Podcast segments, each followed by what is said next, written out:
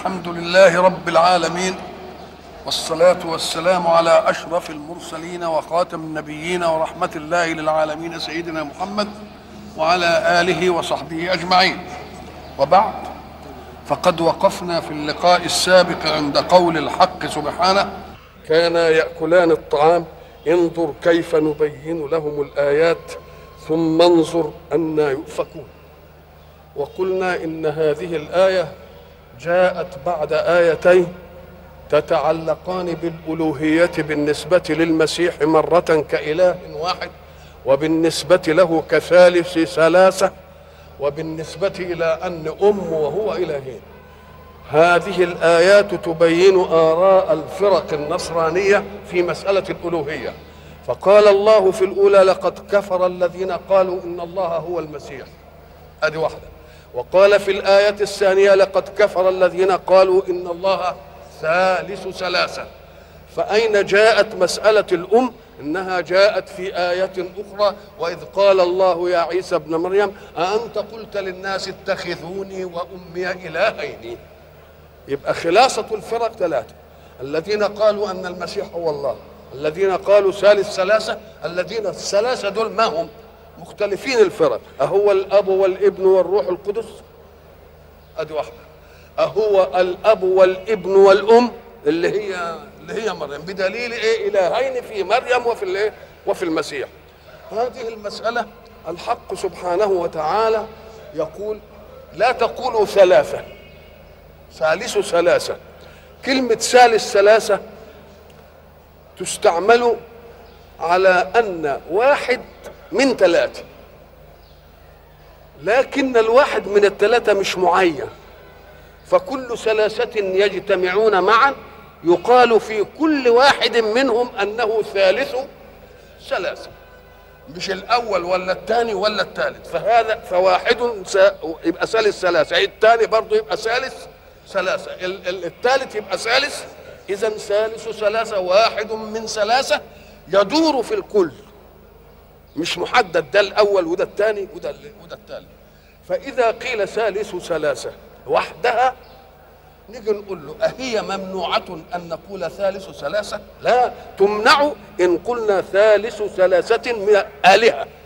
إنما كلمة ثالث ثلاثة لوحدها كده بدون حكاية آلهة تبقى تصح إننا نقولها لأن الله يقول في آيات كثيرة ما يكون من نجوى هي ثلاثة إلا هو رابعهم. ولا خمسة إلا هو إذا فممكن أن تقول هو رابع ثلاثة رابع ثلاثة أو خامس أو سادس خمسة الله يبقى إيه؟ يبقى هو الذي يصير الثلاثة أربعة أو يصير الأربعة خمسة أو يصير الخمسة إيه؟ يبقى دي تحدد إنه مين؟ أنه السادس إذا قلنا إذا جبنا عدد اسم فاعل وبعد ذلك جئنا بعده بإضافة لما دونه يبقى تعين إنه هو الأخير.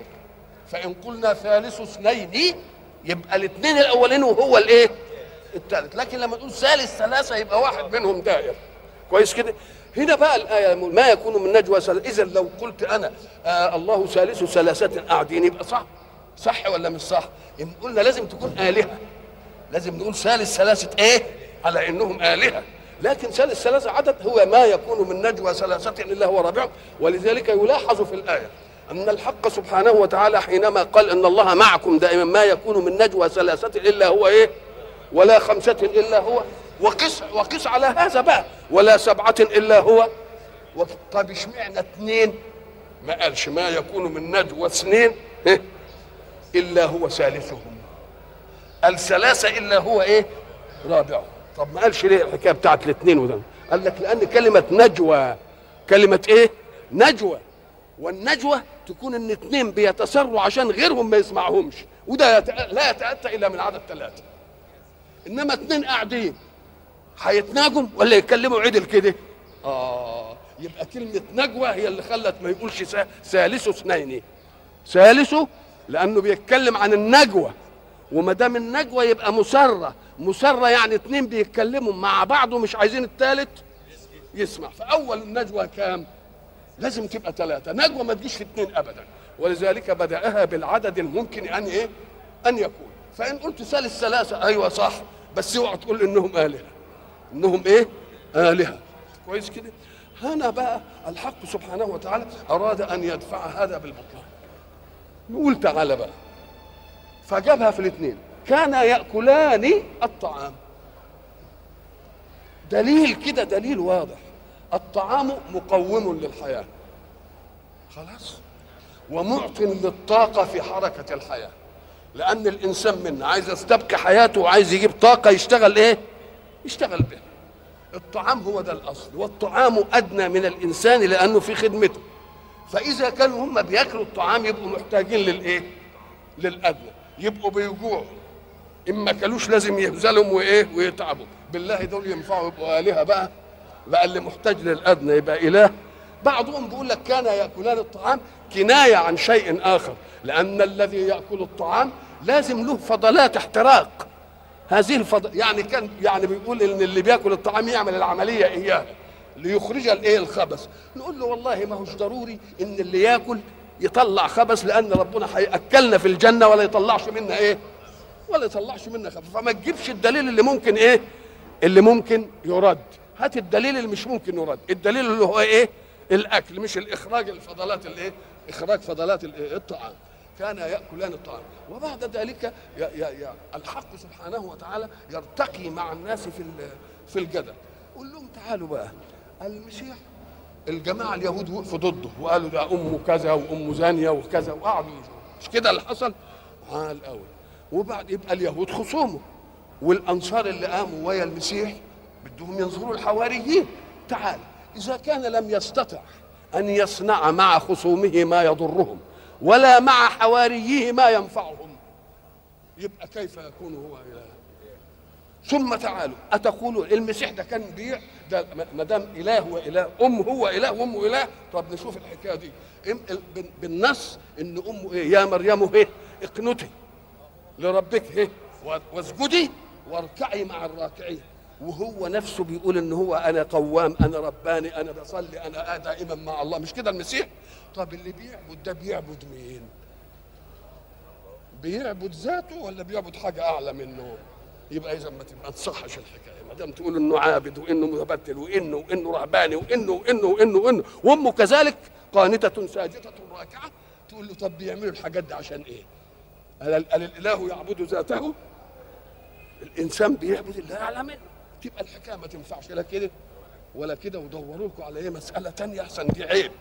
ليه بقى عيب؟ قال لك لأن إذا كان هذا قول من ينتسبون إلى السماء. إيمانا بإله وإيمانا بمنهج. ماذا يقول الذين لا ينتسبون إلى السماء من الملاحدة الذين ينكرون؟ يقول لك ده هم مش متفقين على حاجة.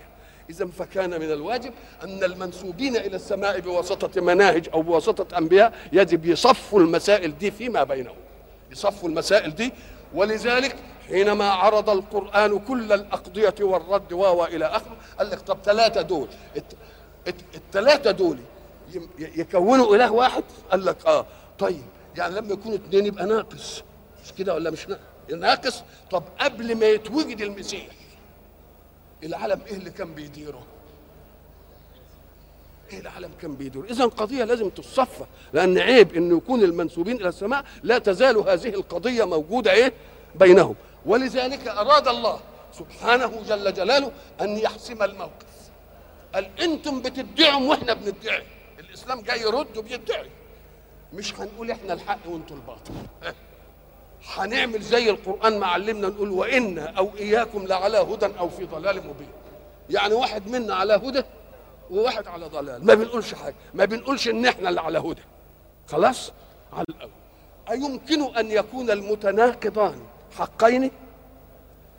مش ممكن يكون يعني واحد منهم هيطلع إيه؟ يهودة يا صاحب الهدى يبقى على هدى صحيح ومضل مضل بس هو مين؟ لازم ربنا يبين. نقول بقى تعالى ما دامت المسألة كده لا تخلوا كلامنا إحنا ولا كلامكم. كلامنا ما يمشيش عليكم. كلامكم ما يمشيش علينا. اللي بندعيه ده في الألوهية نفوض الأمر له. نفوض الأمر إيه؟ نفوض الأمر له إزاي؟ قال عشان يحكم بقى.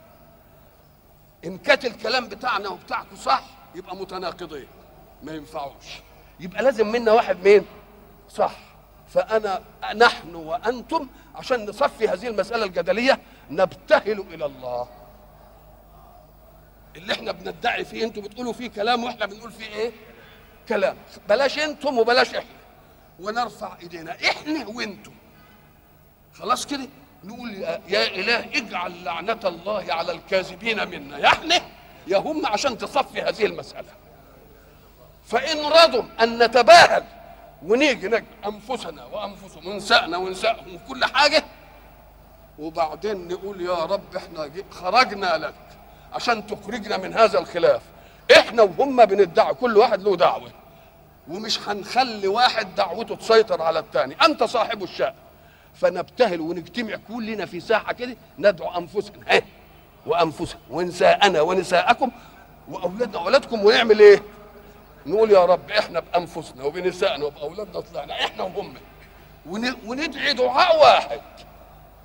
اجعل يا رب لعنتك على الكاذبين منا. إحنا الاثنين بنقول أهو. فإن كان صحيح إحنا كلامنا يبقى اللعنة ترد على الكاذب. وما تلاعن قوم وتباهل إلا ربنا بين المسألة في وقته.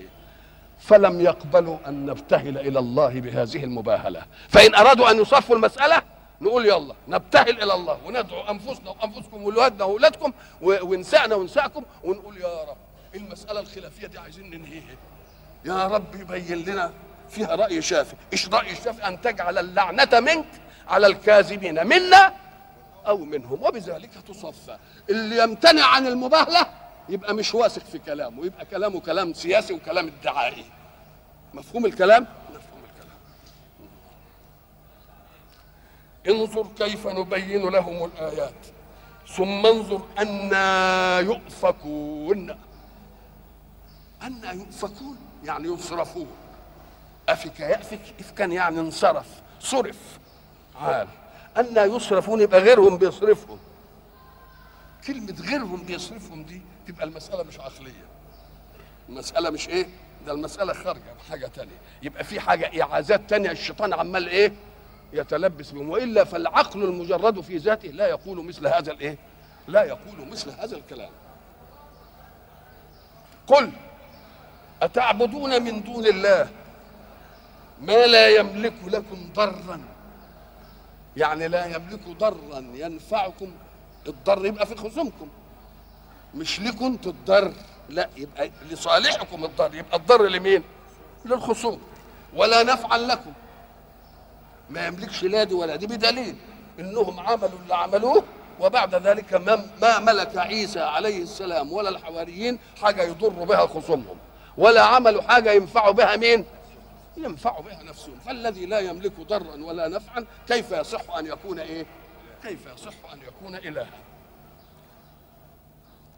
والله هو السميع العليم. كلمة سميع تدل على قول يعني في قول بيتقال وعليم شيء يدور في الخواطر. فالشيء اللي بيدور في الخواطر دي أهو حراسة سلطة زمنية خلتهم يقولوا هذا الكلام. ربنا عارف ديا إن كان حصل كلام يبقى عارفه. سمعه وإن كان حصل إيه ما يدير الكلام. لأن قبل أي عاقل ما يتكلم كلام يبقى لازم يديره في نفسه ولا لأ؟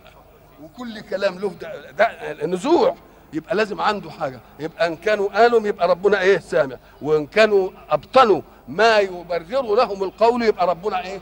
ربنا يبقى عليه. قل يا أهل الكتاب. مرة يجيب ال- اليهود على حدة ومرة يجيب النصارى على إيه؟ على حدة ومرة يشملهم. فالشيء المشترك يكلمهم ويا بعض. الشيء الخاص قل لا تغلوا في دينكم. قل يا أهل الكتاب لا تغلوا. ما هو الغلو؟ الغلو هو أن تتطرف في حكم إيجابا أو سلبا. يعني يا يا يا يا, تفرط في في المنزلة العالية يا تفرط في المنزلة إيه؟ الدنيا. ولذلك تجد المتناقضات دائما في الغلو. تجد في الغلو. يعني مثلا رسول الله صلى الله عليه وسلم يقول لسيدنا الإمام علي كرم الله وجهه يا علي هلك فيك اثنان محب غال ومبغض قال بقى يحبوك لدرجة انهم يقولوا ده أنت نبي ولا الوحي غلط ولا يقولوا لك إله؟ أدي غلو. ادوا له المنزلة الايه؟ اعلى من مش كده؟ أو إيه؟ أو واحد قال الخوارج قال عليه كافر. الله. بقى ال- الغلو جاي من ناحية إيه؟ من ناحية إن هم يطلعوه يا نبي يعملوه إله أو ناس قالوا ده كافر. إيه إيه المسألة دي؟ يبقى لا تغلوا في دينكم ولا تقولوا على الله إلا إيه؟ ما ما, ما, ما تبغضوش واحد وتنزلوه للحضيض ما تحبوش واحد تطلعوه لمين؟ بل أعطوا كل واحد قدره ومقداره الذي وضعه الله فيه لأن وضع الله له فيه هو تكريمه. وضع الله له فيه هو إيه؟ هو تكريم. قل يا أهل الكتاب لا تغلوا في دينكم. كلمة تغلوا بقى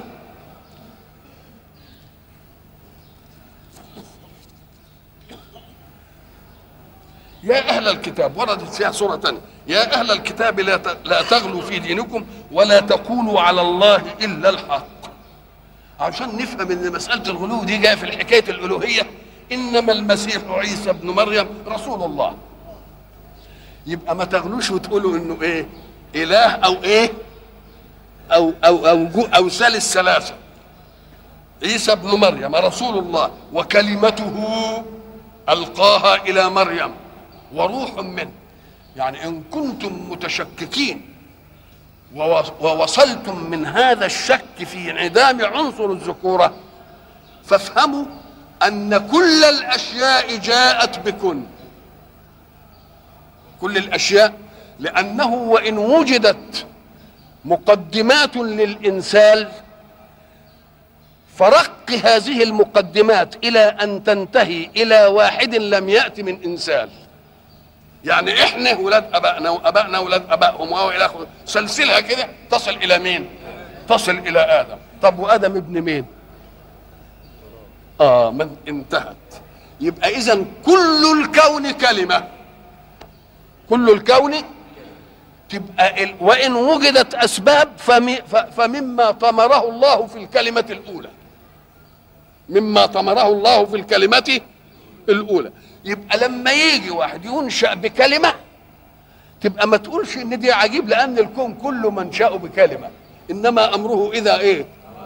أن يقول له كن فيكون. وإذا كانت الفتنة نشأ من إنه مش ملوش أب في ظاهر الأمر في عالم الإنسان والقانون بتاعه نقول له يا أخي كان يجب أن يكون تكون الشبهة والإشكال في آدم. لأنه إن كان ده مخلوق ما فيش له عنصر أبوي بشري يبقى ده مخلوق ولا عنصر أبوي ولا عنصر إيه؟ ولا أم لا أب ولا إيه؟ تبقى الفتنة إيه؟ الفتنة أكبر. طيب ما دام كلمة الكلمة دي تنشئ حياه والحياة إدخال روح في مادة لتهبها الحركة والحس ومقومات الإيه؟ ومقومات الحياة. يبقى الكلمة تقال فتأتي الروح فتدخل في الإيه؟ وكلمته ألقاها إلى إيه؟ إلى مريم وروح إيه؟ وروح منه. روح منه زي إذ لما قال فإذا سويته يعني آدم ونفخت فيه من إيه؟ يبقى آدم برضه كلمة وآدم إيه؟ وآدم روح منه. يبقى إن كانت هنا شبهة يبقى لازم تيجي إيه؟ تيجي الشبهة هنا بل الشبهات هنا أقوى. وروح منه. انتهوا. بيقول لهم فدوا المسألة دي بقى. خيرا لكم. إن كنتم منسوبين إلى السماء ما تذبذبوش أفكار الناس في مسائل زي دي. إنتم يجب انكم تنتقفوا بعيسى عندما أراده الله له من التكريم. لا ليه بقى؟ لأن التكريم لما تيجي تقول إن هو إله وبعد ذلك يقول لل- لل- للتابعين له أنا أسوة لكم. واتقوا الله أنتم بتشوفوني بعمل إيه؟ وبصلي ومش عارف بزكي وبتبتل ومش عارف اعملوا إزاي. يبقى اذا هو أسوة. زي ما ربنا قال لر- لرسول إيه؟ لكم في رسول الله أسوة حسنة. فلو أنه كان من جنس آخر غير البشر لم تنعت الأسوة فيه. بقى بيقول اعملوا زيي كنا نقول له لا هو إحنا نقدر ده أنت إله. طب وإحنا نقدر نبقى إله؟ طب بالله أنا قلت مرة لو أن إنسانا راى أسدا يفترس في الغابة ويصول ويجول على الحيوانات أيفكر واحد من الرائين أن يجعل نفسه أسدا؟ إنما لو رأى فارسا مثله في شجاع في حرب وماسك سيف وبيصول ويجول في الأعداء يبقى زيه ولا لأ؟ اذا الأسوة إلا تكون مع وحدة الجنس. فلو انه مش من جنس البشر ما كانش ينفع يكون إيه؟ لأن الرد يكون جاهز. اعملوا زي وأنا لكم أسوة. نقول له لا ما نقدرش. ده انت إله تقدر ما نقدرش عليه. تبقى ما تنفعش الأسوة ولا لا؟ آه. انتهوا خيرا لكم. انتهوا. يا سلام. نعم يا سيدي نعم. قل يا أهل الكتاب لا تغلوا في دينكم. وبعدين جابها ما قالش يا يهود ما تغلوش في دينكم. ولا يا نصارى ما تغلوش في دينكم.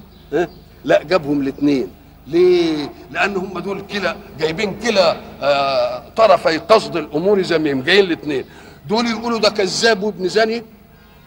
شوف إزاي. ودول يقولوا إله.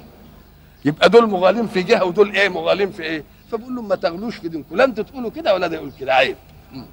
لا تغلوا في دينكم ولا تقولوا على الله إلا الحق. والحق لا يتعاند. والحق لا يتضارب. الحق حاجة إيه؟ ده بيقول لك الحق يعني شيء ثابت ما يتغيرش ابدا ولا يتعارضش. ما يتعارضش زي زي ما قلنا إنسان رأى حدثا من الأحداث بعينه. ثم طلب منه أن يحكيه. يحكيه الآن. وإذا طلب منه غدا أن يحكيه. برضه يحكي. بنفس الواقع ولا لأ؟ ليه؟ لأن له واقعا شهده هو اللي بيفرض نفسه عليه. لكن الكذاب لما يقول قضية كذب ملهاش واقع. آه لازم يغير. لأنه يقول لك إن كنت كذوبا فكن إيه؟ إيه افتكر إنك أنت قلت إيه امبارح؟ اللي بيحكم الحق واقعه. لأن المتكلم به يستقرئ واقعا. لكن الكاذب لا يستقرئ واقعا. فلا يعلم ماذا كذب النباتي مفهوم؟ الكذاب اللي قاعد بقى مثلا يقول مرة كنا سايرين وطالعين من. من, ال... من القرية ورايحين البندر وكنا ليلة عيد كبير عشان نجيب أدوات العيد وكانت الدنيا قمر ظهر الله! أي قمر ظهر دي؟ بقت كده. طب وليلة العيد وانت رايح بعد الصيام وتروح تبقى قمر ده ليلة العيد بتبقى أول ليلة. لا قمر ظهر ولا قمر خالص. ده إحنا يا دوب شفنا الهلال كده. يبقى كذب ولا مش كذب؟ فالذي يستوحي واقعا ما يتغيرش كلامه يبقى ده حق. والذي يستوحي غير واقع لا يذكر ماذا قال. فيلطشها بقى يقول النهارده كذا والنهاردة كذا ويقول افتكر انت قلت إيه امبارح. مفهوم؟ ولا تقولوا على الله إلا الحق. ليه؟ لأن ها؟ معلش أنا ما بقولش قال الله أنا بقول ما تقولوش غير الحق بقى. لا تقولوا غير الإيه؟ ليه؟ لأنه هيتضارب. إيه يتضارب. وإذا تضارب شككتم الناس في منهج السماء الذي تحملونه وإذا شككتم الناس في منهج السماء هيبقى عليكم وزر إضلال مين؟ وزر إضلال الناس. لأن الذي يتعرض لهذه القضية يجب أن لا يجرب عليه شيء من الإيه؟ من المخالفة. ولذلك سيدنا إبراهيم ربنا قال عليه قال عليه إنه قال إيه؟ ربنا لا تجعلنا فتنة للذين كفروا. الله بقى سيدنا إبراهيم يدعي ربه إنه لا يجعله فتنة للكافرين. إزاي؟ قول الكلام ده. أم قال لك لأنه إن قال بشيء ثم عمل بما يناقضه ويطلع كذاب يقول لك شوف يا أخوان اللي بيقول كده هو كذاب أهو. يبقى يبيح للناس أن إيه؟ أن يكذب.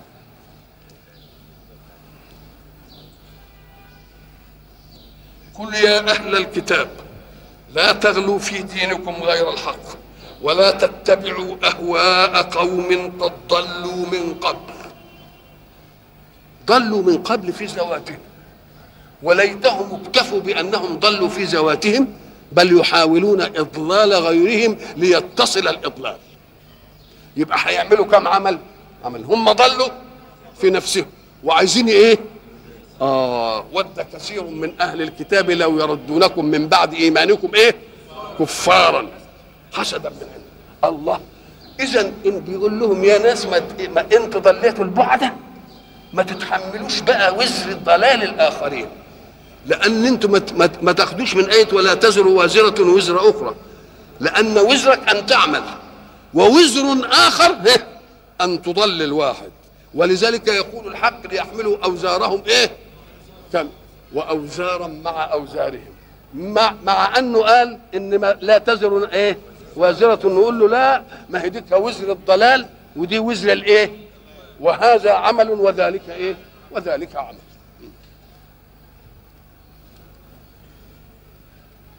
ولا تتبعوا أهواء إيه؟ أهواء قوم قد ضلوا يعني ما تقلدوهوش هم كانوا متبعين الهوى. كلمة هوى إحنا كنا قلنا فيها إنها الهوى هو إيه؟ لطف موقع الشيء ومحله في النفس فيصنعه على طريقة لا تنبغي. ولذلك زي ما قالوا كل كلمة هوى في القرآن جاية في الخسران وفي الضلال وفي الخيبة. خلاص؟ آه لما نيجي نشوف إيه لو اتبع الحق أهواءهم خلاص؟ ولا تتبع الهوى إيه؟ فيضلك عن سبيل الله. اتبع هواه فإيه فترضى. كل مسألة إيه فيها هوى يبقى إيه ما بيجيش فيها ابدا لصالحها إلا قول الرسول كما قلنا حتى يكون هواه تبعا يعني يطوع هواه لمطلوب الله. يطوع هواه وما دام طوع هواه لمطلوب الله يبقى امتنع هواه ولا لا؟ يبقى امتنع هواه.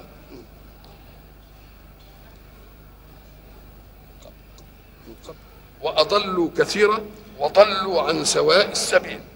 لعن الذين كفروا من بني إسرائيل على لسان داود وعيسى بن مريم. ذلك بما عصوا وكانوا يعتدون.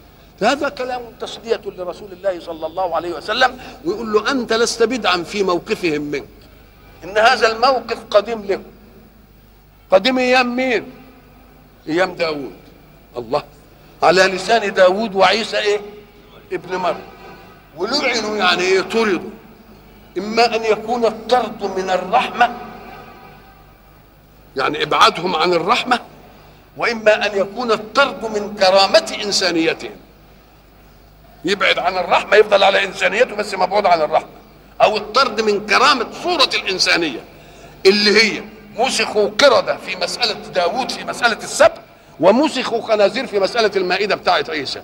مائدة عيسى دي إيه؟ قالوا ربنا أنزل علينا مائدة من سبت تكون لنا عيدا لأولنا واخرنا إذا اقترحوا آية على الله.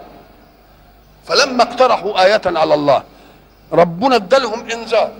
قال إذا اقترحتم آية من عندكم وجاوبتكم عليها وأنزلتها فالذي يكذب بها بعد ما طلبها هو أنا أعذبه عذاب ما عذبتش أحد من العالمين. فلما طلبوا المائدة ونزلت المائدة كفروا برضه. أهو ده السبب في أن الله قال أنا لن أطاوع خلقي في أن اتي لهم بآيات على وفق أهوائهم لأني جربت البشر. في أن اقترحوا آية وجاءت على وفق مرادهم فكذبوا أيضا فكأن التكذيب هو الأصل المطلوب وهذه تعلات وإلى لقاء آخر إن شاء الله.